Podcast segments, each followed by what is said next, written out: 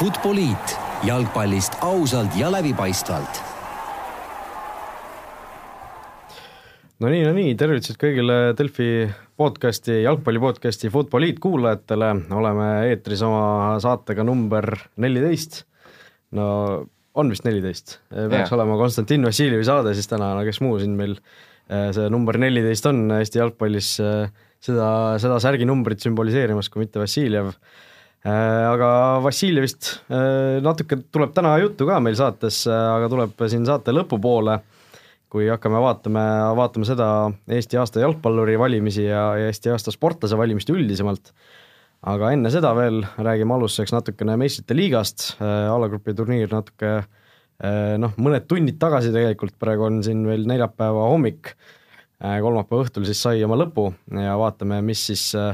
mis siis sellest üldse edasi saab ja milliseid kokkuvõtteid alagrupi turniirist äh, teha ja vahepeal äh, muidugi kiired vaheteemad ja lõpetuseks äh, OpTibeti panustamissoovitused ka meil, meil siin käiku lähevad. täna oleme aga stuudios kolmekesi, minu Raul Ojasaar ja Rasmus Raidla kõrval on meil täna siin taas külas Joel Hindermitte. tere, tere! ja, ja temaga koos siis muidugi kõik teemad läbi võtame alustuseks võtamegi ette meistrite liiga, eile õhtul küll ainult üks edasipääse selgus seal Šahtari ja Lyoni mängus, Lyon suutis eh, noh, viigiga eh, endale selle teise koha välja võidelda, aga aga üldiselt eh, suurem osa neid edasipääsejaid selgus ikkagi, ikkagi juba varem ja ega väga suuri üllatusi tegelikult ju ei olnud. jaa, tuleb sinuga nõus olla, et äh kui siin see Tottenham Inter, kes oli võib-olla veidikene krõbedam vastasseis teisipäeval oli õhus, aga aga suures pildis need võistkonnad, keda, keda enne ala, alagrupi turniiri oleks oodanud, et edasi pääsevad, seda ka tegid ja ja eks see on ka olnud väikene selline murelaps just viimastel aastatel, ma arvan, meistrite liigas, et et juba on võib-olla isegi enne, enne seda, neid mänge juba teada, kes, kes need kaks tükki on, kes edasi saavad jah, me eile, kui panime teema siia paika, siis ka ma ütlesin, et äh, loosimise ajal oli ilmselt kaks alagruppi B ja C, kus siis a la ütleme, Liverpool ja Napoli ja Tottenham Inter justkui oli, et kes jääb teiseks-kolmandaks, aga tegelikult lõppude lõpuks ma ütleks, et Inter ja Napoli olid justkui nagu pigem selle kolmanda koha nii-öelda favoriidid ja lõpuks nagu läks nii, nagu minema pidi ja võib-olla noh, mis oli võib-olla segasem alagrupp, on Porto, Schalke, Galatasaray ja Moskva Lokomotiiv, et seal oli võib-olla keeruline algul kellelegi väga suurt eelist anda, aga noh, ütleme suurte liigade tiimid läksid sealt ka edasi ja ma ütleks ka, et äh, üllatusi ei olnud, selles mõttes kurb oli üksikuid häid mänge, aga jah, et nagu sa ütlesid, et äh, ütleme siis äh, voor enne lõppu või üks ring enne lõppu oli juba kaksteist edasipääsejat selge, et näiteks eile noh, sisuliselt oli ju pingevaba päev, oli küll palju huvitavaid tulemusi, aga seda ma ei ole ka väga meistriliigast enne näinud, et need suured justkui võtavad väga vabalt seda viimast, viimast mängu, et Barcelona mängitas varumehi ja siin teistel olid ka igasuguseid noori, noori peal, et selles mõttes murettekitav ja kui siin on sahised selles superliigas, siis see on on hea reklaam sellele nii-öelda, et need suured on võimsad ja tundub, et lähevad aina rohkem muust maailmast ette. jah, kui võtta, ütleme selle viie suurliiga kõrvalt, kes üldse kuueteist parema sekka pääsesid, siis seal on üks Portugali tiim, FC Porto, kes oma alagrupi võitis, seal on Amsterdami Ajax, kes sai siis oma alagrupis napilt Bayerni järel teise koha. Ja ongi kõik, et kuueteistkümnest tiimist neliteist tulevad äh, top viis liigadest jah, ja teine asi, noh, mis siin vaadates juba ette, siis äh, noh, kui siin eelnevalt on olnud, et mõned väga suured tiimid on jäänud alagrupis teiseks, ka eelmine aasta oli niimoodi, et see aasta noh, on seal palju Inglismaa tiime teisel kohal, aga samas nad olid ka tugevates alagruppides, et äh, justkui favoriidid võtsid ka nii-öelda asetuse endale esimesse koha, et äh, et jah, ma ei, noh, siin on ju vaikselt tõstetud nende suurte liigade kohti ja nii edasi, et tundub, et jah, et teistel on väga-väga raske hakata vastu saama, et väga raske näha, et mõni tiim väljaspool top viis liigasid jõuaks näiteks, ma ei tea, nelja parema sekka. nojah, eks no tegelikult ütleme, mingisuguse Porto, Porto-laadse tiimi puhul, eks see on võimalik, et no me eelmine aasta nägime ka ju, kuidas Rooma tegelikult jõudis, eks ju, veerandfinaali, et võtsid ühe sellise tõeliselt suure skalbi, alistasid Barcelona ja olid kohe seal nelja seas, et okei okay,, Rooma ei ole päris noh, nii ütleme noh, kuidas see õige sõna on, mitte suvaline, aga noh, mitte nii selline outsider tiim, kui kui võib-olla keegi, kes sealt väljaspool top viis liigasid tuleks, aga, aga nemad tegelikult eelmisel aastal väga hästi näitasid, et et tegelikult võimalik on jõuda kaugele, aga tõesti noh, võiduni, nagu nägime Porto kaks tuhat neli, et noh, sellist asja ei ole, ei ole ju noh, see, see ei tundu nagu reaalne praegu. Jah, et eks äh, ülioluline on ka see, kuidas see loos neile kukub, et kui just see nii-öelda esimene loos, kus on võimalik võib-olla selline, sealt saab potist see nõrgem kuidagi kätte saada mingi, mingil nii-öelda õnnekombel, see mäng ära võtta, siis suure tõenäosusega juba järgmises voorus tuleb sulle keegi suur vastu ja, ja seal tuleb sul nad äh, mingit moodi ära hammustada, et see on see ainuke viis, kuidas selliste väikeste imede läbi sa võiks tõusta, aga, aga aga suures pildis, kui me räägime meistrite liiga kvalifikatsioonifaasis, siis seal on üks, üks nimi kõvem kui teine ja, ja sul muud üle ei jää, kui sa pead nad kotti pistma, et edasi, edasi jõuda no palju on räägitud nendest äh, noh, jutuvärkides mahlamütsidest, äh, nendest nõrkadest tiimidest äh, meistrite liiga alagrupis, kes kes, kes väga palju punkte ei saa ja on seal lihtsalt selleks, et Ronaldod ja Messid saaksid neile väravaid lüüa. no sel aastal natukene seda süsteemi, eks ju, muudeti meistrite liigas valikturniiri äh, kaudu pääses palju vähem meeskondi alagruppi, äh, kas see pilt oli nüüd natuke parem? jah, ma tõin, vaatasin kiiruga numbrid ka üle, et üheksakümmend kuus mängu siis peaks olema alagrupi turniiris, et igas alagrupis kaksteist ja kaheksa alagruppi, nendest üheksa mängu olid vähemalt nelja väravani võit, ehk siis kümme protsenti mängudest on nii, et on neli-null, viis-null, kuus-null. et ma ütleks, et see ei ole nagu ülipositiivne, et noh, on küll sama need Põlsen ja Moskva said Reali ja Rooma kalagrupis mõlemad seitse punkti, mis justkui on nagu hea näitaja, samal ajal Põlsen kaotas siin äh, kaks mängu null viis, on ju. et äh, tihti on justkui see, et kui läheb käest ära, siis läheb, läheb äh, täielikult, et noh, siin City võttis ka Šahtari kuus-null ja nii edasi, et justkui need mõned mängud, kui see suur saab jooksma, siis läheb inetuks, aga noh, vaatan, kas siin jah, üks, üks klubi jäi minu teada nullile, et Ateena AEK, et äh, jah, ma ütleks, et neid mahlamütse on, aga samal ajal nad on noh, piisavalt ikkagi suudavad ka üllatada, sama see Red Star seal nii-öelda surmaalagrupis on ju, et äh, neli punkti ja tegid siin asju keerulisemaks küll. jah, et selles suhtes äh, mind ka isegi võib-olla natuke isegi üllatas see, et, et neid, neid tõsiseid peksukotte nagu väga ei olnud, noh okei okay,, Red Star või noh, Surenna Svesta oli ju see põhi, põhi nii-öelda äh, meeskond, keda kõik enne alagrupi turniiri välja tõid, et kuna, kui sa oled ühes alagrupis BSG, Liverpool ja Napoliga, siis noh, kolm, kolm väga vägeva ründeliiniga meeskond, et sealt ei saa nagu midagi väga head tulla, aga aga noh, Svena, Svesta kiituseks tuleb öelda, et kodus nad olid ikkagi soliidsed, et okei okay,, viimases mängus BSG vastu ei saadud, üks-neli kaotus tuli sealt, aga aga Napoliga mängiti viiki, Liverpooli lausa võideti kaks-null, et et võib-olla see kaks-null võit Liverpooli üle oligi noh, üksik, üksikute mängude arvestuses kõige suurem üllatus selles, sellel turniiril üldse. jah, ja tegelikult see ju võit, mida nad seal Liverpooli kaks-null võitsid, muutis ka lõpuks selle grupi ise huvitavaks ja, ja teisipäeva õhtul me seda Liverpooli-Napoli mängu nägime ka, kus siis oligi kõik mängus ja ja seda, seda lõbusam oli meil kodudes seda vaadata, aga jah, et äh, iga, iga võistkond tegelikult Euroopas kodus just äh, suudab mängida ja hambaid näidata, et, et see ükskõik mis, mis tasemega seal on, sellel tasemel need, need pundid on juba nii kõvad, et äh, kui suudetakse mängida okei okay mäng, siis äh, just kodumurul tihti näidatakse hambaid ja, ja ollakse, ollakse ebameeldivad, nagu just nimelt siin see ka statistika on näinud, kui välja arvata siin see AEK nagu, nagu välja tõid. Jah, üks asi, mis ma veel välja tooks, et minu jaoks päris suur pettus oli Monaco, et äh, okei okay,, neil on seal, tegid flashcore'i lahti enne mänge, seal oli vist üle kümne mängija seal erinevat, noh, seal näitab, et kes potentsiaalselt eemale jääb, seal olid kaardid, vigastused, kõik muud asjad, et neil oli jah, pool tiimi eemal ja noh, nad on seal mängijaid müünud ja kõik, aga noh, et ikka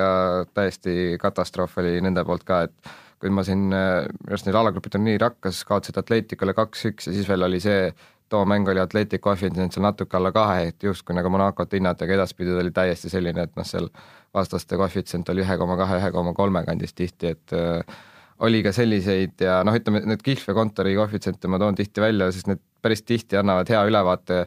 just sellest matemaatilisest tõenäosust, mida hindavad nii kontorid, professionaalsed inimesed kui ka nagu nii-öelda panustajad ise, et et kui ikkagi sul väga suur osa mänge, näiteks ma ei tea, ühe võidu tõenäosus on üheksakümmend protsenti, siis see ei ole nagu väga hea reklaam jalgpallile ja, ja kui ma vaatan Monaco seda alagrupi ka, et siis äh, tegelikult oleks ju, oleks ju võinud sealt mõelda, kui Monacol oleks hea päev olnud, aga kui vaadata seda väravate vahet, kõigest kaks väravat kogu, kogu turniiri peale löödi üks viik, viis kaotust ja neliteist väravat sisse, siis, siis tõepoolest praegu seal äh, ilusas vürstiriigis praegu korralikult põleb ja, ja Thierry Henry'l on, on, on, mille üle nuputada. Ja tegelikult ka, kui me vaatame äh, League One'i siis äh, liigatabelitega, seal samamoodi Monaco on, on püsti-püsti hädas. jah, et võib-olla isegi väike selline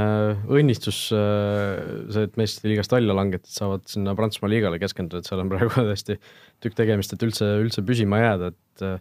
sellest paari aasta tagusest Monacost, kus mängisid mopeed ja, ja kõik teised ässad, et sellest ei ole enam sisuliselt mitte midagi järel.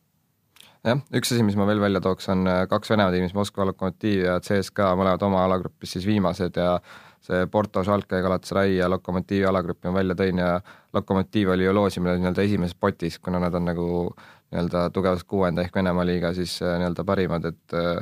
et huvitav jah, et äh, Lokomotiivi sellises alagrupis suutis saada ainult ühe võidu ja kolm punkti, et äh, teades, kui tõsiselt äh, Venemaal sporditulemusi hinnatakse, siis ma arvan, see ka mingid häirekellad seal kolisema lööb. jah, et Lokomotiivil see võit tuli ka ju, kas, kas ei olnud mitte eelviimases voorus, et siis, kui põhimõtteliselt juba mhm. edasipääs oli, oli läinud, et et seda küll ja noh, CSKA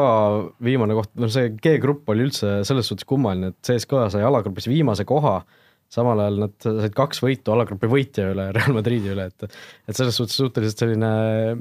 kummaline alagrupp ja noh, seitsme punktiga viimaseks jääda ei ole, on ka ikka noh, omaette saavutus tegelikult. et seal äh, ei olnud ju viimases voorus seal ei Plesenil ega CSKA-l võimalik edasi pääseda, aga aga mõlemad äh, suutsid viimases voorus veel nii Reali kui Roomat võita, et et äh, seal need paberi peal vähemalt äh, see lõppseis äh, on päris selline intrigeeriv, aga noh, tegelikkuses nägime nüüd pärast seda, kui Real seal CSKA-lt selles, kas oli isegi päris esimeses voorus, kui nad selle kaotuse said, et siis äh, suutis ennast kokku võtta ja, ja ülejäänud mängud nagu vajalikud mängud või, võita ja noh, Realilt ka selline suhteliselt äh, selline äh, veider alagrupi võit, et äh, justkui väga hästi nagu ei mängitud, CSKA-lt saadi kaks korda tappa, eks ju, aga noh, A-grupi võit ikka tuli kolmepunktilise eduga, et et noh, kokkuvõttes ei saa nagu midagi ette heita. tegid, tegid oma ära jah, vaadates äh, play-off'ide poole ka, siis minu arust alati on see, et äh, justkui loodetakse, et võib-olla oleks tore, kui mingid young poisid ja Pulsenid saaks sinna play-off'i, aga teisest küljest noh, nüüd me, ma arvan, võime vaikselt juba sinna kaheksandikfinaalide poole vaadata, et äh, et päris suured äh, tiimid on alles, nagu me ütlesime, et sisuliselt ükski, keda noh, oleks näinud seal väga loogiliselt äh,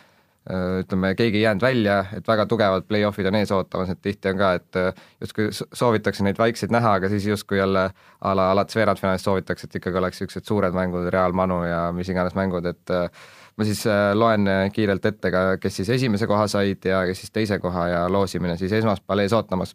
et esimesed kohad siis Borussial, BSG-l, Barcelonal, Portol, Bayernil, Manchester Cityl, Real Madridil ja Juventusel ja teises potis siis äh, tulevad Atletico, Liverpool, Tottenham, Schalke, Ajax, Lyon, Rooma, Manu. et äh, võib-olla, et mis, mis te ütleks, mis siin sellised äh, unistuste paarid on või mis potentsiaalne selline haigutama ajav paar võiks olla, et jättes siis ka meelde, et ei saa minna oma alagrupikaaslase kokku ja ei saa minna äh, vähemalt esimeses play-off'i ringis vastu tiimiga, kellega samas äh, koduliigas mängid. nojah, et seal äh,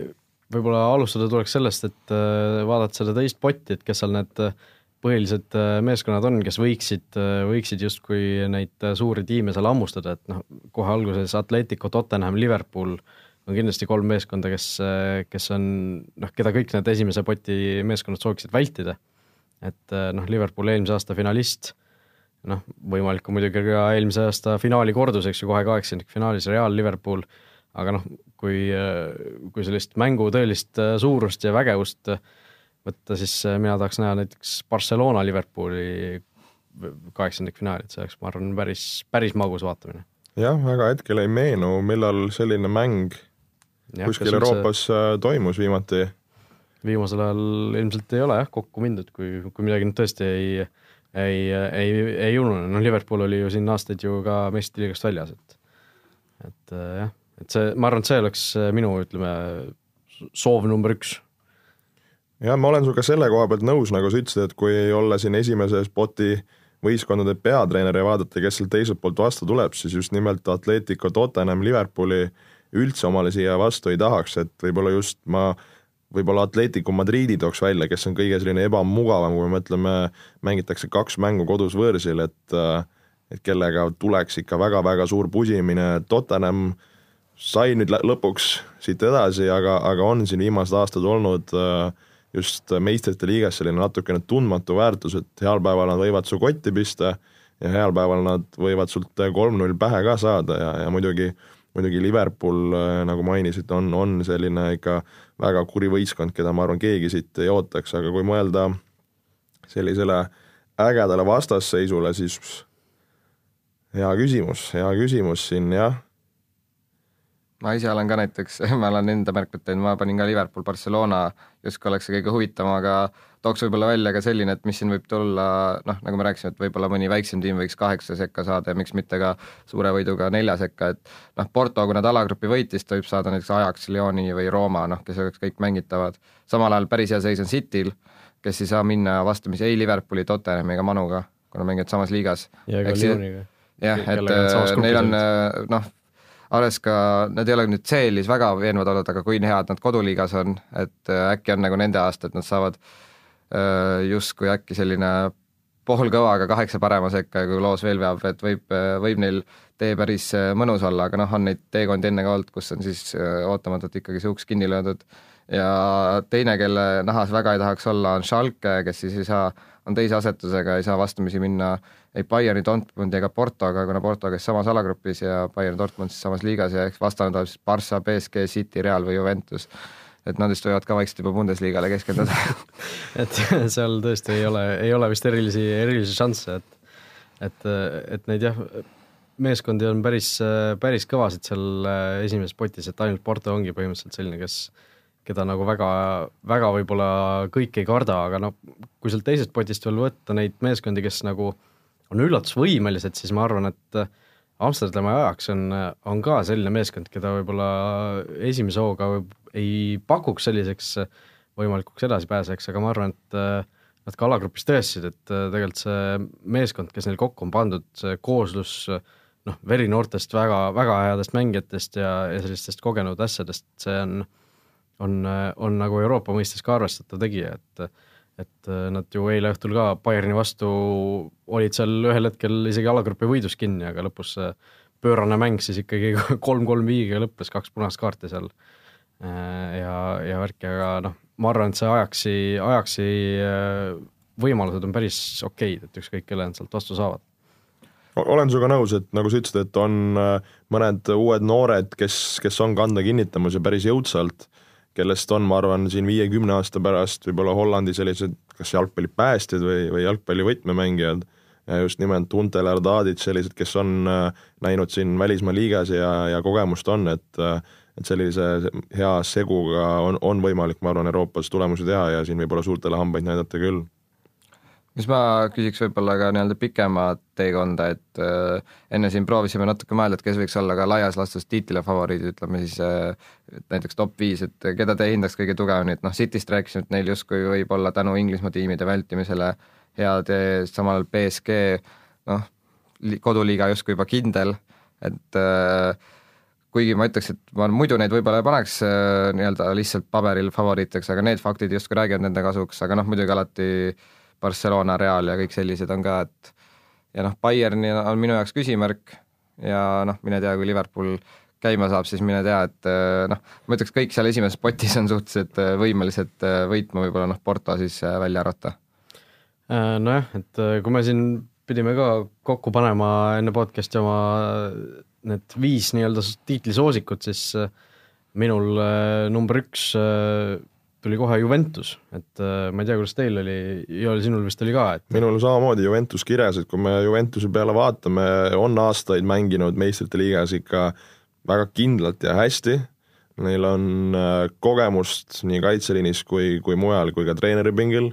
kes on neid mänge mänginud paar aastat tagasi, käiks ju finaalis, kui mäletame. Ja, ja nüüd Cristiano Ronaldo lisandumisega, kui vaadata, kuidas nende mäng koduliigas läheb ja millise kindlusega nad võidavad, siis ma isiklikult arvan, et Juventus võiks olla number üks favoriit sellele äh, nii-öelda karika tõstmise peale, kui, kui nii-öelda mängud lähevad hästi ja, ja sedasamat hoogu, mis neil on praegu olnud, nad jätkavad.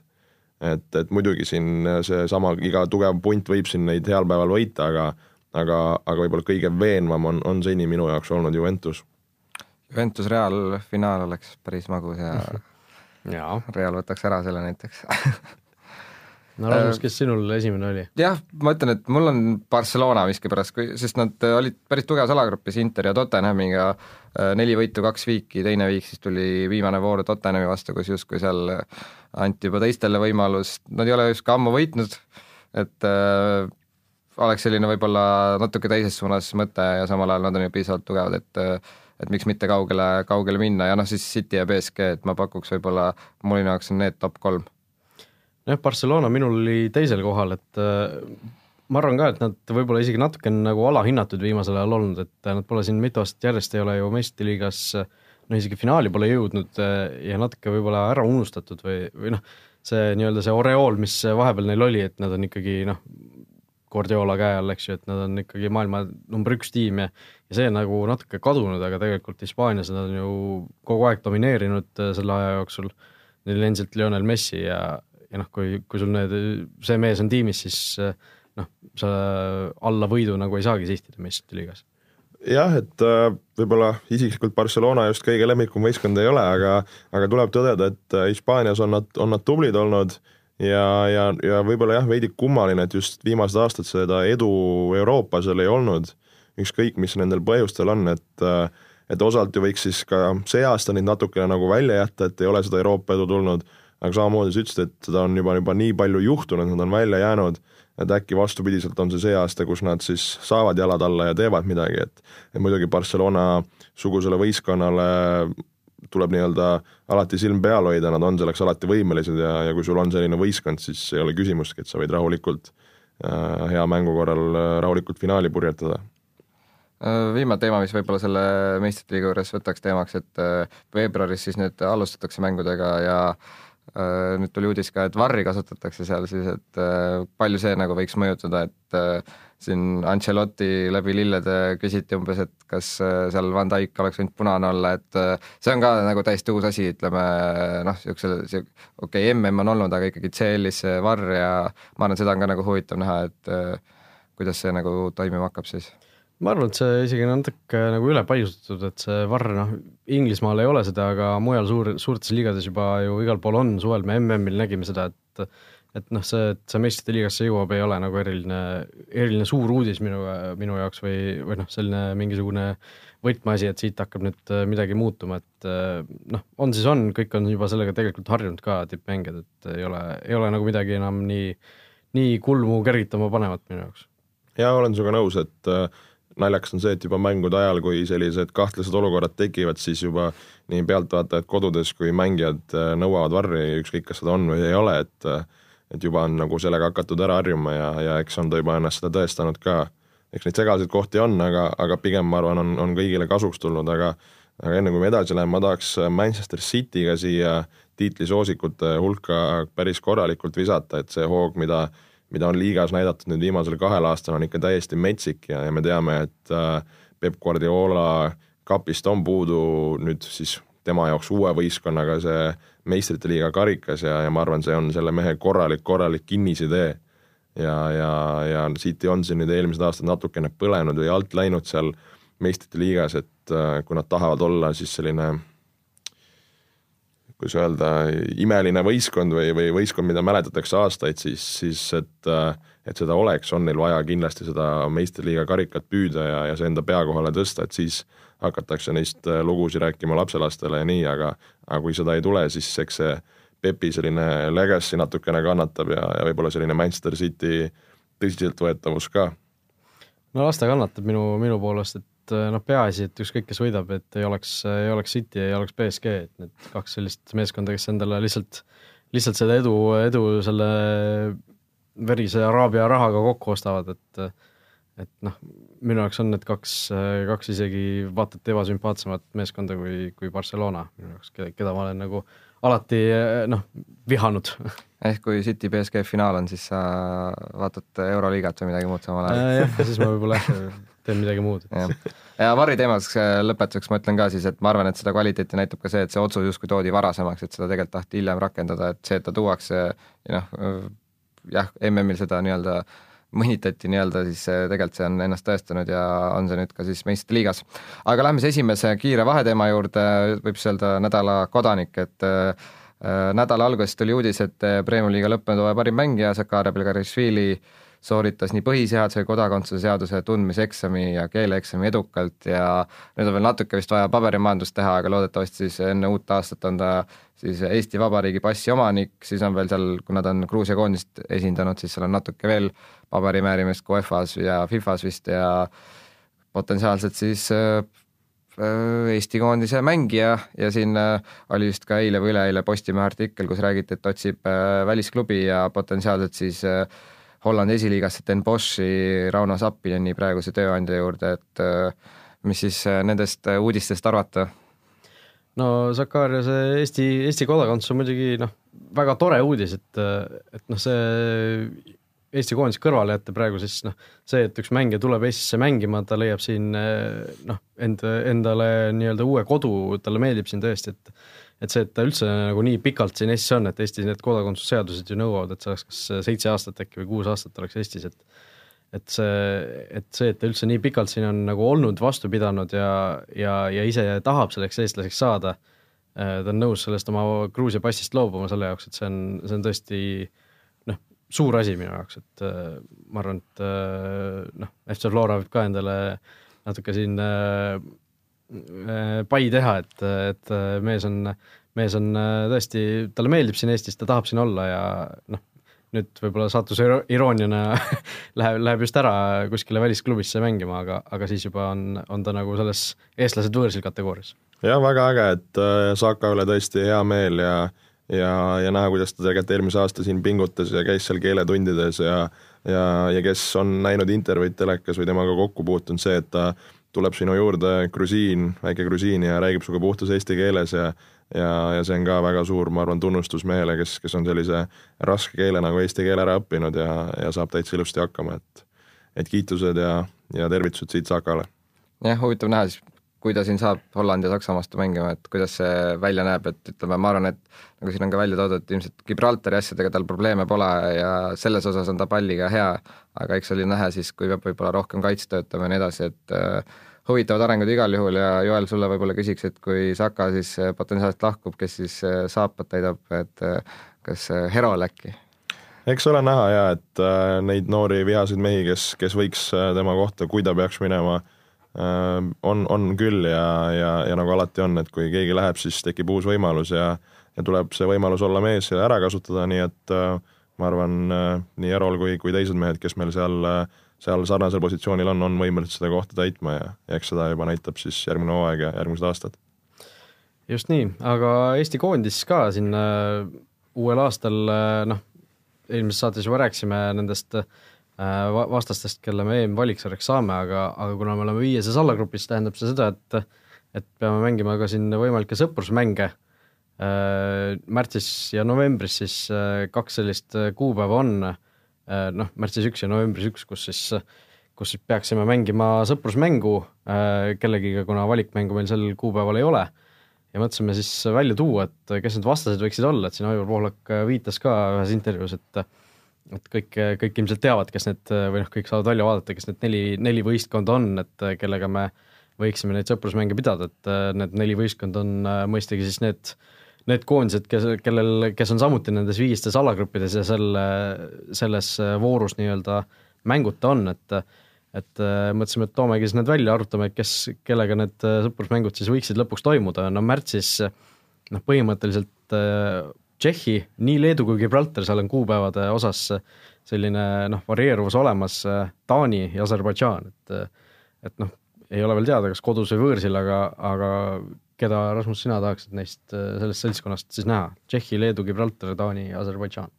Noh, kui siin äh, Rahvuste Liiga puhul räägiti, et meil on justkui arenguks vaja neid tugevaid mänge, et okei okay,, me seekord ei saanud nii-öelda Mahlamit enda valiktsüklisse ja võiks justkui Gibraltariga end lõbustada, aga ma arvan, et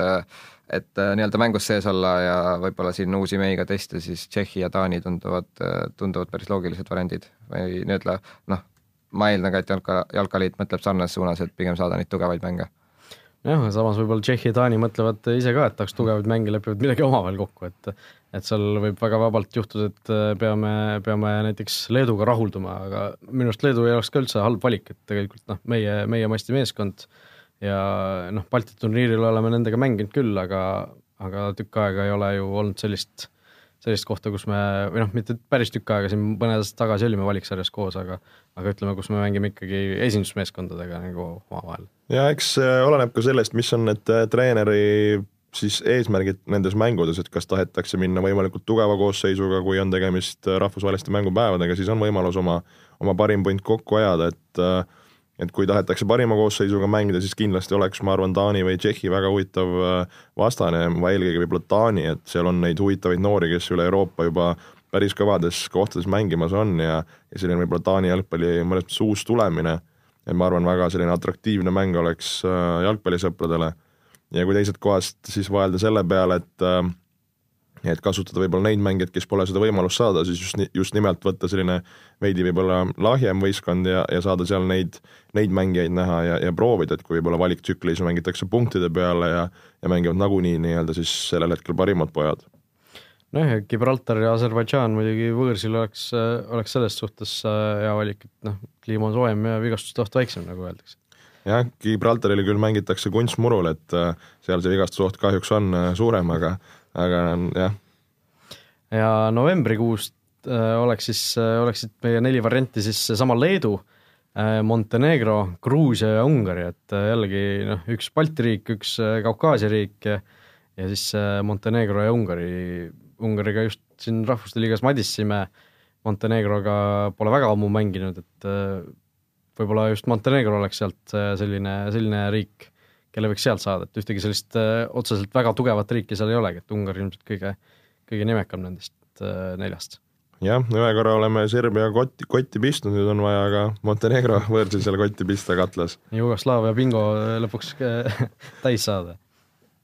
jah, et kui seal mõlemas aknas ma saan aru, et Leedu on potentsiaalne vastane, siis äkki jah, et emmas-kummas kasutatakse seda, sest noh, Ungariga ma olen mänginud, Gruusiaga ka suht hiljuti, et äh, eks ole näha ja ma olen aru saanud, et siin äh, lähi, väga lähiajal peaks uudiseid tulema, et äh,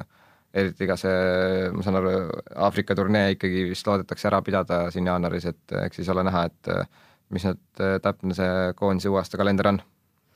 just nii, aga läheme edasi, Kuno Tehva ka siin esines Jalgpalliliidu aasta lõpetamisel või seal jalgpalligalal sellise huvitava intervjuu andis Sokkernetile, kus kus siis tunnistas muuhulgas näiteks seda, et et Eesti klubid äh, või noh, Eesti, Eestis ei ole nagu asi, asjad tehtud nii, et klubid saaksid edukad olla eurosarjas, et äh, üks asi, mis ta seal välja tõi, et äh, enne alagrupi turniiri võiks olla üleminekuaken, et siis saada nagu juurde tuua mängijaid, et minu, minu jaoks tundus see ikkagi suhteliselt selline kummaline väljaütlemine, et et ei saanud nagu täpselt aru, et miks just nii, miks just nii peaks olema. Või no võib-olla Tehva ise ka polnud hästi nagu läbi mõelnud seda asja, aga aga, aga tundus suhteliselt veider, et noh, a la grupi turniirist me oleme niigi päris kaugele jäänud, et et seal äh, nii kaugele noh, tuleb muidugi mõelda, aga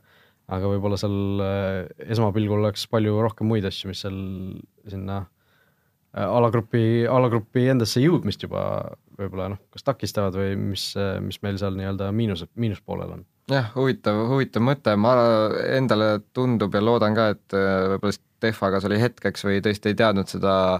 nii-öelda, tundus hea mõte, aga noh, FIFA reeglid on siis see, et hooaja keskel saab olla maksimaalselt ühekuine nagu see üleminekuaken, et äh, vaatasin, kui siin äh, see aasta selgus alagrupi turniiri pääseja Euroopa liigast räägime siis kolmkümmend august, meil siis lõppes kakskümmend viis voor, aasta varem kakskümmend neli august, meil siis algas kahekümne seitsmes voor. et kui teha seal kümme vooru enne äh, üleminekuaken, noh ütleme selleks, et sa jõuaks alagrupi turniiriks ka nii-öelda täiendada, see võiks, ma ei tea, augusti keskel alata ja lõpeb septembri keskel, et see oleks ma ei tea, natuke kas võib-olla huvitav, et äh, ma ei tea, Levadia on kuue punktiga maas ja toob äh, Kamaluga mingeid ukrainlasi siia, hakkavad tiitlit päästma, aga tegelikult noh, see on ju, tegelikult on see rumalus, et see peab loogiliselt olema hooaja keskel, on ju, et et eriti kui Eesti klubid eelkõige mängivad eelringe, et see on tavaliselt enne seda või selle jooksul, on ju, et et noh, jah, muidugi kui saaks nagu seda terve suvi akent lahti hoida, siis võiks hoida, aga see FIFA reegel nagu niimoodi ei toimi, et see annaks siis ebavõrdseid nii-öelda tingimusi looks, ma ei tea, et ühes liigas on niimoodi ja teises liigas teisiti, et et kui see üks kuu on, siis ma arvan, et kui Eesti jalgpallis asju otsida, mida muuta, siis see ei ole nagu üks, üks see koht ma saan aru, et Joel, Joel nõustub vaikimisi. eks jah, tõepoolest, et äh, jah, sa ütlesid tegelikult äh, viimase, viimase lause hästi, et äh, neid pisikesi detaile, millega, millega me saaksime rohkem edukad olla või, või mis praegu nii-öelda on rohkem kas siis aktuaalsemad või pakilisemad, et äh, et kindlasti on neid asju, millega, millega oleks vaja praegu tegeleda ja siis äh, selline üleminekuakna asi, see on selline praegu teisejärguline ja, ja nagu, nagu sa ütlesid, kõigepealt on vaja sealt äh, eelmängudest edasi saada ja seal mängu teha, et et niikaua, kuni me seal ei suuda veel omal korralikult nime teha või, või häid tulemusi pakkuda, siis enne seda juttu ei, ei saa, ma arvan, ka üles võtta just, et kui siin Delfis on äh, poliitikute tsitaatidega tihti faktikontroll, siis tegime ka sellise jalgpallipärase faktikontrolli ja peaks nüüd asi selge olema. aga teine siis suurem teema äh, Eesti aasta parimaks meesjalgpalluriks valiti siis möödunud pühapäeval Ragnar Klavan. Klavani jaoks oli tegu kuuenda tiitliga viimase seitsme aasta jooksul, võitis esimese kaks tuhat kaksteist ja nüüd alates kaks tuhat neliteist iga aasta selle võitnud on. me siin äh, millalgi rääkisime, et kas Klavan väärib seda, lõpp, jõudsime järeldusele, et väärib, et äh, oli justkui see noh, nagu siin oli ka mingi pealkiri, et vähe mänge, aga palju saavutusi, et liigamänge tõesti ei ole tal väga palju olnud, on endal vigastusi olnud, tuli kallis keskkaitse, Virgil van Dijk konkurents ja kõik sellised asjad, aga noh, kui sa ikkagi oled Premier League'is äh, top-klubide seas, CL-finaalis, äh, üleminek Serie A-sse, et noh, kõik niisugused asjad, et äh, et arvestades ka, mis siin kõik muud teevad, siis noh, lõppude lõpuks ei olnud küsimust, et viiskümmend neli esikohta temalt, sada seitsekümmend kuus punkti ja tema järel siis Joonas Tamm üheksakümmend neli punkti, kuus esikohta ja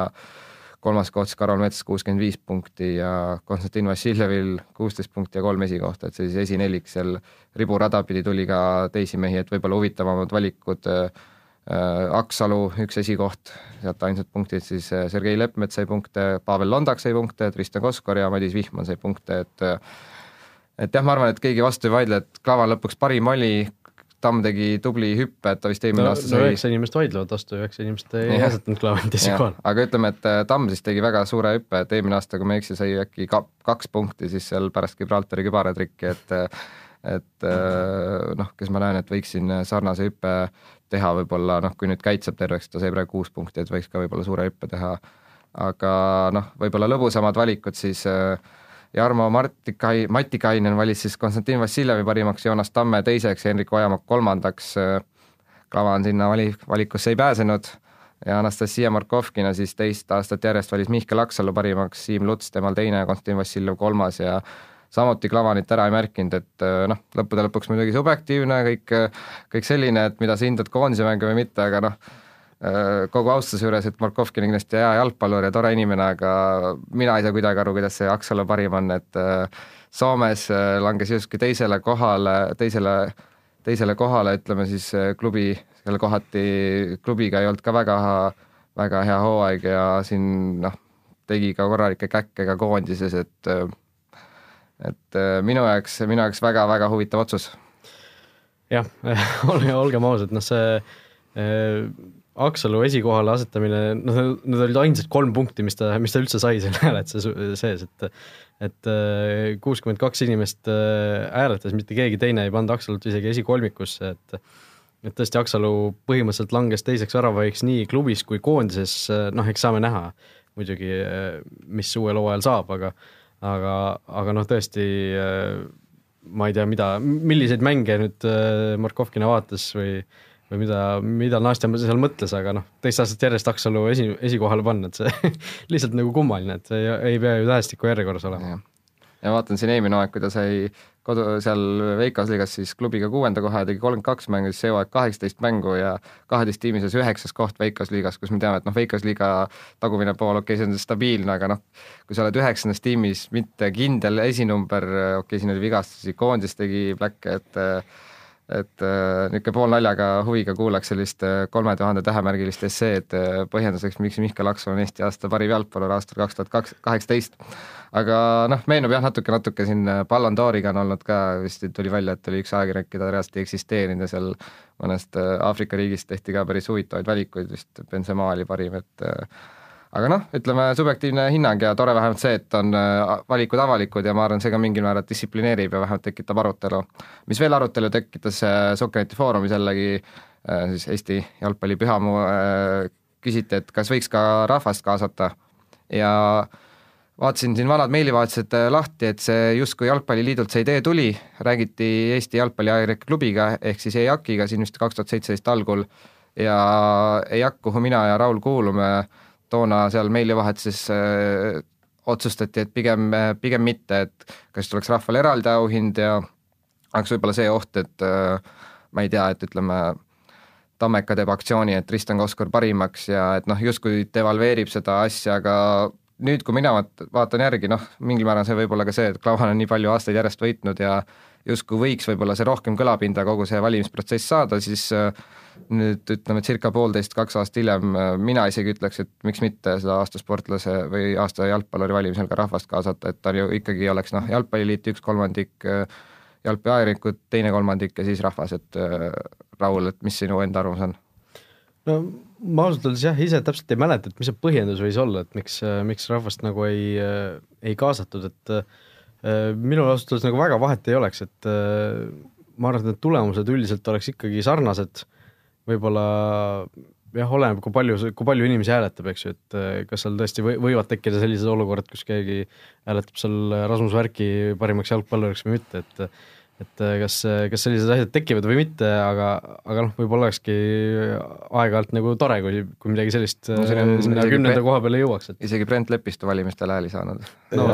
aga jah, kui sarnast äh, lugu tuua teisest spordialast, siis NBA-s oli ju tähtede mäng, kus grusiin Zaza Patsuli oli seal samamoodi kogu Gruusia aktsiooniga seal peaaegu hääletusi nii-öelda juhtimas, et, et jah, et ma arvan, kui sa nii-öelda peenelt selliste osakaalude või protsentidega ära äh, ära nii-öelda jagada, et see asi oleks võimalikult nii-öelda objektiivne, siis ma arvan, väga, väga tervitatav, kui, kui jalgpallifännid saavad ka sõna, sõna sekka öelda. Jah, no üks asi, mis ma arvan, et võis see põhjus olla, oli, oligi see just see objektiivsuse asi, et, et võib-olla rahvas äh, toona kellegi hinnangul äh, mis siis lõpuks peale jäi, ei olnud, ei ole võib-olla piisavalt objektiivne või, või midagi sellist, et aga noh, kui vaadata neid valikuid, mida siin ka mõned äh, päris nii-öelda hääletajad teevad, siis äh, ilmselt ei, ei ole see enam eriline argument, et äh,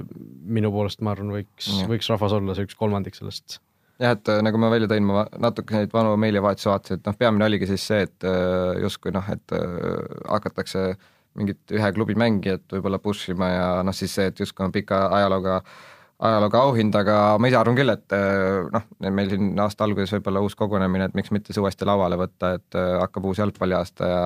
võib-olla annaks kõlapinda juurde küll sellele aasta jalgpalluri valimisele, aga võib-olla siit läheks sujuvalt ka teise teemani, et siin EOK valib siis aasta, aasta sportlasi, aasta meessportlaste nimekirjas siis äh, üksteist meest ja seal on sellised inimesed nagu Erik Aaslav-Kaasik, veemootorisportlane ja Andras Kaasik, kes siis vallutas ka kaks mäetipu, aga seal ei ole Ragnar Klavanit, et see tekitas küsimärke. Äh, siin vist küsiti ka Jalgpalliliidult kommentaari, noh seal vist ma sain aru, et sisuliselt ju alaliidud võisid oma kandidatuuri anda, aga EOK nagu justkui ei olnud pidanud neid sinna vääriliseks, siis noh, et mis sa ikka push'id, et äh, las see siis EOK valik jääda, et äh, pigem on küsimus, et kuidas see siis Klavan sinna ei pääse, et ma toon see, okei okay,, Erik Aaslap-Klaasik on MM-i ja EM-i esimene koht, aga aga noh, ma siin tsiteerin uudiseid ja vaatasin, et noh, need on saanud paarsada va-, vaatamist meie keskkonnas äh, ja laupäeva hommikuses kvalifikatsioonis seal EM-il sai teise koha Eeriku vennatütar Sanna Aaslav-Kaasik, kes tegi oma debüüdi selles klassis eelmisel aastal. see nagu näitab selle võib-olla asja taset ja kohe mul on siin mingid teised numbrid ka välja toodud, et äh, et tõesti seal vist EM-il tegid kõik sõidud kaasa mingi neli-viis meest. Et äh, noh, see konkurents on tõesti selline, et see on justkui, kindlasti Erik Aasav-Kaasik on väga tore inimene ja tore, tore hobi ja tore, et ta võitis, aga ja las ta siis olla seal, aga kui ütleme, see, see on ikkagi inimeste hobi, mingil määral ma saan aru, et Eestis on mingi tehnika, et sa teed selle nii-öelda keha alla, teed selle tugeva masina, ja noh, kui seal tõesti EM-il osaleb alla kümne võistleja ja MM-il ka, et ja seal ainult eestlased võidavad ja seal vist oligi kaheksast osalejast kuskil oli noh, kolm-neli olid eestlased, konkurents on väga hõre ja siis samal ajal ma ei tea, sajad miljonid tahavad saada meistrite liigas mängida, meil on seal oma mees ja tema nagu ei pääse sinna, et tekitab ka minu jaoks küsimärke. jah, et see jalgpallurite, noh, ühtegi võrkpallurit ka ei ole seal jah, üldse minu jaoks see pallimängualas võiks seal vabalt veel olla, meil on väga tasemel äh, nii-öelda võrkpallurid ja miks mitte ka mõni korvpallur, et mängivad ka normaalsetes liigades, et äh, võiks justkui seda konkurentsi ka arvesse võtta, et kus nad läbi murravad, aga aga jah, et meil on see medalikultus päris suur see medalikultus on ka üks asi, mida, mida ma arvan, et võiks nagu lähiajal tegelikult noh, mis võiks sellise uue põlvkonna pealekasvamisega nagu ära kaduda, et et see, see tõesti, kui, kui sul on Helari Mägisalu, kes saab EM-il teise koha, okei okay,, maadluses, eks ju, selline klassikaline ala, aga, aga selline kaaluklass, kus, kus tõesti, mida isegi olümpial ei ole, siis ja siis tema on kohe seal selle ühe õnnestunud võistluse pealt kohe seal superfavoriitide seas ja ja siis noh, minu arust see ei ole nagu päris okei okay,, et et äh, tõesti pallimängudes ei saa kõike mõõta EM-i, MM-i medalitega, sul on äh, hoopis muud saavutused ja kui tõesti Ragnar Klavan jõuab esimese eestlasena meistrite liiga finaalis koosseisu, ta okei okay,, mängida ei saa, aga ta mängis poolfinaalis, ta mängis veerandfinaalis, noh, ta oli tegelikult osa Liverpooli edust, et ta ei olnud, ei olnud selline nagu Mart Poom oli, et ta oli kolmas väravaht ja nagu kordagi põhimõtteliselt koosseisu ei kuulunud, et et see, see ikkagi noh, see näitab midagi EOK mingisuguste väärtuste kohta, kui, kui sellist asja nagu isegi, isegi sinna kümne, kümne sekka või üheteist sekka ei panda, et et K2 mäetipu vallutamine on siis noh, tuleb välja, et kõvem saavutus. ja ma isegi vaatasin, et see noh, jällegi tore, tore saavutus, aga see ei olnud isegi Delfi spordiuudis. no jah, see, see on nagu see ei ole, see ei ole sport, palun vabandust, aga see ei ole sport, et noh, väga tore füüsiline saavutus, väga tore mees, andkugi mingi teenemedal, aga see ei ole aastas meessportlane ja teisest küljest seesama, see veemoto, ma vaatan siin jälle ja imestan, et ja löön, ma ei tea, pead vastu lauda, et rahvusvahelisel Veemotoliidul on Facebookis umbes kaheksasada jälgijat, Eesti Veemotoliit on rohkem ja seesama, ta on see konkreetne protokoll ees, Eerik Aaslav-Kaasik võitis Euroopa meistrivõistlused ja neli inimest sõitis kõik neli sõitu ära ja ta vennatütar sõis kuuenda koha. See on tõesti nagu, ma ei tea, suguvõsa kokkutulek ja võideldi kuskil äh, Poola vetel ja kurat, lööme käsi kokku ja aasta meessportlane, noh, mida, mida asja, et äh, ma olen siin, ma ei ole veemoto ekspert, aga ma natuke viisin kurssi, ma olen aru saanud, see on tõesti hobi ja tore, et inimesed tegelevad, aga eri, eristame nagu asju, et äh, väga huvitav, et no see on sisuliselt, ma arvan, et keegi vist elas veemoto kuskil kõrval, et noh, seal nädalavahetusel natuke põristatakse, ma ei tea, pool talve on jää ka ja see tore hobi jällegi ja noh, kõik K2, aga no kuidas võiks natuke inimesed mõelda ka, et väga huvitav, et seal tõesti klavanit ei ole, et äh, Raul, sul on teada, mis äh, jõulukink Rasmusele Office'isse tuua, VM-moto, kas äh, reklaam või plakat või autogramm seal? mingisugune aasta, aastaraamat äkki või midagi sellist antakse välja seal kaheksa jälgija poolt või midagi, et et jah, seal kindlasti võib-olla tuleks, tuleks Rasmuse ka ikkagi osaluseksperimendi korras mingisuguse selle põristaja selga panna, et vaadata, kaua selle elus püsib. et vee, ei kindlasti on nagu lahe ala ja ma olen, eks seal on ohtlik ka, et kui sul läheb äh, käest ära, siis see on ohtlik, aga noh, ikkagi kui sul EM-il neli inimest sõidab kõik sõidud ära, no mis asi see on? et see ei ole, see ei ole ju pädev, pädev, pädev medal või noh, see on tore medal, aga kas ta on siis Eesti top kümme sportlase seas ja näiteks noh, okei okay,, Klavanit saab tegelikult valida, on ju, aga ta ei ole, kui ta ei ole seal sees, ega teda reaalselt äh, keegi meelde ei tuleta, et näiteks äh, sa peaks ka, on ju, olema seal Spordiajakirjanike Liidus, et täna just tuli meil, et äh, kas sina näiteks Klavani, ma ei tea, top viite hääletad, mina isegi kaalun seda, sest jaa, muidugi. jah, et ta ei ole parim, ütleme noh, jällegi mingitel aspektides võib-olla on nagu konkurentsi arvestav, aga ollagi, ollagi nagu kaine, et mitte nüüd jalgpalliprille kanda, sest noh, mina arvan, et äh, Tänak, Kirt äh,, Uibo, kõik äh, toredad ja hea hooaeg, aga pärast seda noh, vabalt seal Klavan võiks olla noh, viie, viie seas küll. no kui mõelda selle peale, et et kui suur see konkurents on, siis noh, sama hästi võib öelda, et Ott Tänakul, mitu, mitu konkurenti sõitis terve hooaja kaasa, eks ju, et seal oli jah, aga noh, me võtame, aga me võtame ka siin, ütleme WRC kahe ja kõik, kes tahavad sinna pääseda. jah ja., ei seda muidugi, et noh, see oligi lihtsalt selline absurdne näide, et tegelikult äh, Tänakul ka ju väga palju konkurente justkui kogu hooaega kaasa ei tee, aga mm -hmm. seal on, seal on ikkagi see selge, et, et seal noh, neid kohti ongi vähe lihtsalt, kes saavad seal sõita, et et ja neid tahtjaid on palju, et selles suhtes muidugi, muidugi on natuke teine asi, aga noh, Tänak minu jaoks on, ma arvan, number üks ikkagi hoolimata kõigest, mis Klaavan korda saatis, et et noh, see ja Tänaku võidus ilmselt pole mingisugust kahtlust ka, et ma ei tea, kui kuskil koefitsiente pakutakse, siis üks koma null üks ilmselt, ilmselt see Ott Tänaku võit on, et seal ainus asi, mis võib kõigutada, on see, et kui kui tõesti noh, seal on ka ju kolmeosaline hääletus, et ühe kolmandiku valib rahvas, ühe kolmandiku valivad spordiajakirjanikud ja ühe kolmandiku valivad alaliidud, et ehk see alaliitude ma olen täiesti kindel, et Eerik Aaslov ka siis saab esikohti väga, väga hea, no veemoto alaliit jah, jah. et, et noh, see alaliitude hääletus on olnud alati noh, see medalikultus on täiesti mm. absurdne, jõhker seal. Elari Mägisalu saab kindlasti esikoha. jah, et äh, seal on ikkagi EM-i teine koht ja mm. no Novosjolov EM-i teine koht ja millest me räägime, on ju, siin äh, Ott Kiivikas oli EM-il teine, et ja noh, Magnus Kirdist, äh, Magnus Sirt jääb neile alla, et ta oli EM-il kolmas, et mis seal teha, et et me, medal maksab, ei maksa, ei maksa medal mm, -hmm. et see maksab ikkagi see, kui, kui nagu noh, kui suur see konkurents on sel alal, kui, kui suur saavutus see tegelikult on, et et me ju noh, me saame ju aru, et äh, Ragnar Klavan on sportlasena igapäevaselt kõrgemal tasemel, kui,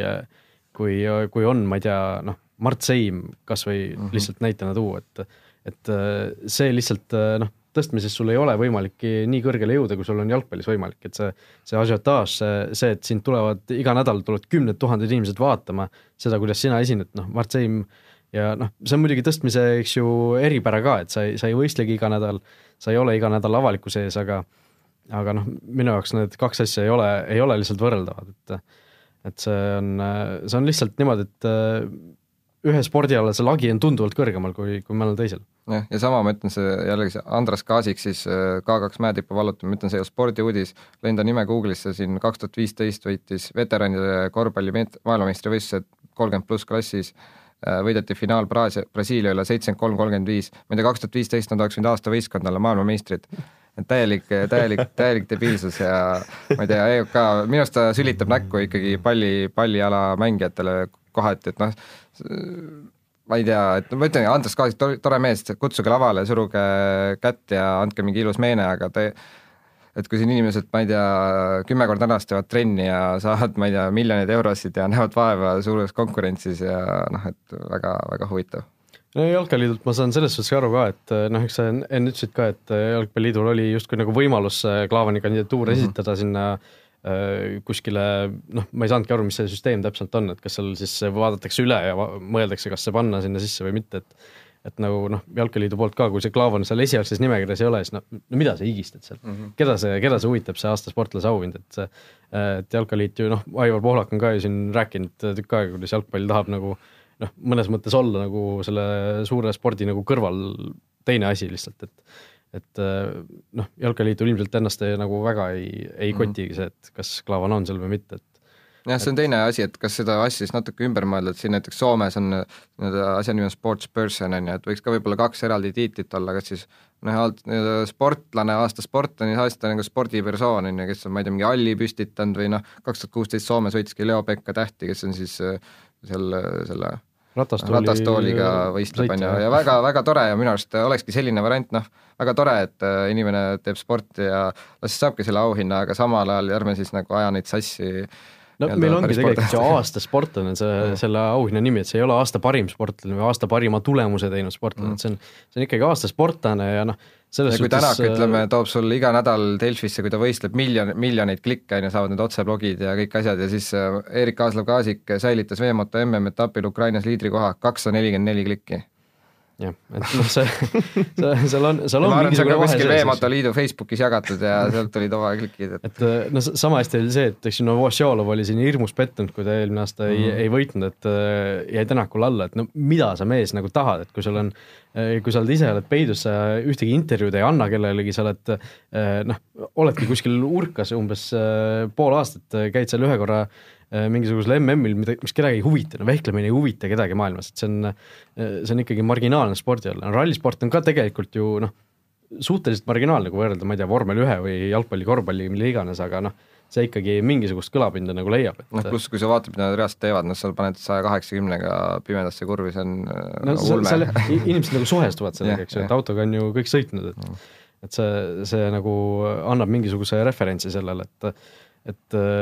noh, see, see ongi aastasportlane, see on aastasportlane, minu jaoks on see, kes on toonud kõige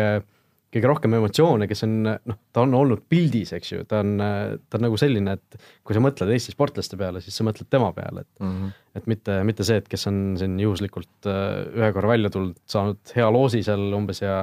EM-il hõbeda saanud mm -hmm. mõnel alal, noh see, need on ikkagi niivõrd erinevad asjad, et et äh, seda medalit mingisugusest jalgpalli kõrgliigas, noh, Premier League'is, Itaalia kõrgliigas mängimiseks ette seada on nagu absurdne minu jaoks no., seda enam, et äh, Klaavanil oli meistrite liiga hõbemedal ja lõpetuseks ennustus, kas Andras Kaasik või Erik Aaslav Kaasik või mõlemad edu, endus, edust-, edestavad äh, siis äh, lõpptulemuses Ragnar Klavanit? ma arvan, et kumbki ei edesta, seal on ikkagi, ma arvan, et noh, kui alaliidud seda ei tee, siis rahvas ikkagi annab talle natukene hääli, samas seal on vist top viis saab top hääli. saab, no ja. Siis võib-olla ei jõua ka mitte keegi sinna. no Klaavanil on võimalus tegelikult, ma arvan, noh, mina ka hääletasin, kui ma seal selle rahvahääletusel tegin, siis ma panin Klaavani Tänaku järel teisele kohale, kirjutasin ta nime sinna ise juurde. jah, et siin vist eelmine aasta on ka ju olnud, et Tänak toodi individuaaliks ja Sildaru vist naiste alla, et on seda trummi löödud, siis on midagi muudetud, aga noh, siin gala on piisavalt lähedal ja et ma arvan, et las EOK natuke mõtleb, mõtleb järgi ja uuel aastal proovivad uuesti. aga lähme siis äh, aast-, nii-öelda saate viimase teema juurde, OpTibeti panustamissoovitused minu esimene soovitus tuleb Inglismaalt, pühapäeval kell, kell kuus lähevad siis meie järgi vastamisi Liverpool ja Manchester United ja koefitsiendid hetkel päris huvitavad, et Liverpooli võidukoefitsient üks koma viiskümmend seitse ja Manchester United viis koma üheksakümmend neli. et justkui selline, nagu Liverpool mängiks Evertoniga umbes kodus, et et mind panid kergelt kuulma kergitama need koefitsiendid, et okei okay,, Liverpool on väga hea kodus, aga ja mida ma olen siin korduvalt öelnud, kui on kaks suurt, siis nagu palju see konkreetne hoog nagu mõjutab, et kindlasti mingil määral Liverpool on ka kodus, aga noh, United on ka ju väga kvaliteetne tiim ja kõik seda arvesse võttes, siis näiteks äh, Manchester United pluss üks äh, on üks koma kaheksakümmend seitse koefitsient, ehk kui Liverpool võidab ühega, saad raha tagasi, et selleks, et see panus kaotaks, äh, peab Liverpool kahega võitma, justkui see koefitsient viitab, et pooled korrad, kui antud olukorras mees, meeskond mängiks, siis Liverpool võidaks vähemalt kahe väravaga. Ma ütlengi, et see võib juhtuda, aga ma ütleks, et see on, et see koefitsient äh, nii kõrge peaks olema, et äh, täitsa vabalt võib United ära seista ja miks mitte ise kontrast lüüa, et äh, tegelikult on ju kvaliteetne tiim, et võime nende üle nalja teha, aga eriti sellistes mängudes, miks mitte no Unitedi selle hooaja nägu on olnud selline, et nad võivad seal ükskõik kellel kaotada või ükskõik kellega mingisuguse sellise räpase viigi teha või isegi võita, et et ma arvan tõesti, et seal nagu noh, Liverpool on, eks ju, soosik, aga Unitedit nagu allahinnata seal noh, kõike arvestades ikkagi ei saa veel. jah, et ähm, no Liverpool on olnud ikka, ikka müstilises hoos ja, ja see Manchester United see hooaeg on olnud ikka väga kummaline võistkond, nagu sa ütlesid, et võivad mängida nii hästi kui halvasti, et et selline suur mäng äh, tihtipeale United võtab ennast kokku, Mourinho mingi asja sinna kokku leiutab ja eks suure tõenäosusega minnakse sinna kaitsma ja ja tõepoolest üks-kaks kontrat ja, ja rahulikult võib see need väravad ära lüüa ja, ja pannakse Liverpool lukku, aga aga jah, väga-väga kumm-, või võib-olla isegi raske hetkel praegu ette aimata või, või ennustada, mis seal, mis seal saama hakkab just nii, äh, teine mäng äh, minu poolt äh, samuti Premier League'ist pühapäevast, Brighton võtab kodus vastu Chelsea. Chelsea võidukoef siis üks koma nelikümmend neli võõrsil mängudes. Brighton on kodus tegelikult päris hästi see hooaeg mänginud, nad on võitnud enamus mänge tegelikult, mis nad kodus on mänginud, ainult Tottenhamilt on siis Premier League'is kaotus saadud, et hooaja alguses siin United ka kodus võideti, et et ma arvan, et siin võib-olla Brighton äh, natukene on alahinnatud, et äh, kui siin äh, võtta näiteks topeltvõimalus, siis Brightoni võit või viik kaks koma kolmkümmend kolm, et Chelsea siin küll Manchester Cityt värskelt võitis, aga, aga võib-olla natukene siin jäävad loorberitele puhkama ja on, on võimalik, et mingisugune libastumine siit tuleb. jah, ja mina teine soovitus läheks siis Itaaliasse, pühapäeval samuti mäng kell seitse, Cagliari võtab kodus vastu Napoli Cagliari siis ilma Darius Renata, Castrata, Cepitelli siin põhiskoorer Pavoletti, kes on kuus väravat teinud potentsiaalselt eemal, et on nii kaartigi eemale, et kui väikseid vigastusi Napoli nüüd Liverpooli vastu üliveenev ei olnud, aga ikkagi see ründeliin ja kui Cagliaril on ütleme kaks-kolm meest kaitseliinist ära, siis mina vaataks Napoli miinus üks, ehk siis kui võidavad ühega, saad raha tagasi, kui võidavad enamatega, siis juba võidad, et Cagliari küll teame, et suudavad kaitset kõva hoida, kui seal nagu päris olulised lülid on eemal ja ees ka nagu see põhi, põhimees potentsiaalselt eemale jääb, siis Napoli võiks seda võib-olla Liverpooli mängust saadud frustratsiooni ära kasutada ja seal kõvasti kolistama hakata. just nii. Ja minu viimane soovitus tagasi Premier League'i pühapäeva, Southampton Arsenal, Arsenali võõrsil koef siis üks koma üheksakümmend koguni, et Southampton sai siin värskelt uue peatreeneri, austerlase Ralf Hasenhütteli. äh, aga tema käe all ka siin Cardiffilt saadi esimeses mängus tappa, et et Southamptoni seis on ikkagi väga-väga nigel, et nad on siin äh, võiduta püsinud ju äh, ütleme, Premier League'is äh, alates esimesest septembrist, et et ma arvan, et see Arsenali koef on siin isegi üllatavalt suur, et üks, üks üheksakümmend võõrsil, ma arvan, et see on noh, kindel panustamissoovitus nii on, aga sellega siis sellele osale ka joon alla ja eks siis äh, järgmine kord kuuleme juba kakskümmend detsember, nagu ikka saab meid kuulata iTunesis, SoundCloudis, igal pool äh, muudes podcast'i rakendustes, saab meid jälgida tasku.delfi.ee lehel, Facebookis saab meile kirjutada, nii et kui mõtteid või soovitusi või parandusi on, siis äh, võtke ühendust ja kuulame siis juba nädala pärast. just nii, tänud Joelile ka, et saatesse tulemast ja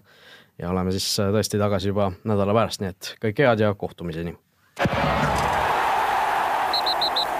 Futboliit. Jalgpallist ausalt ja läbipaistvalt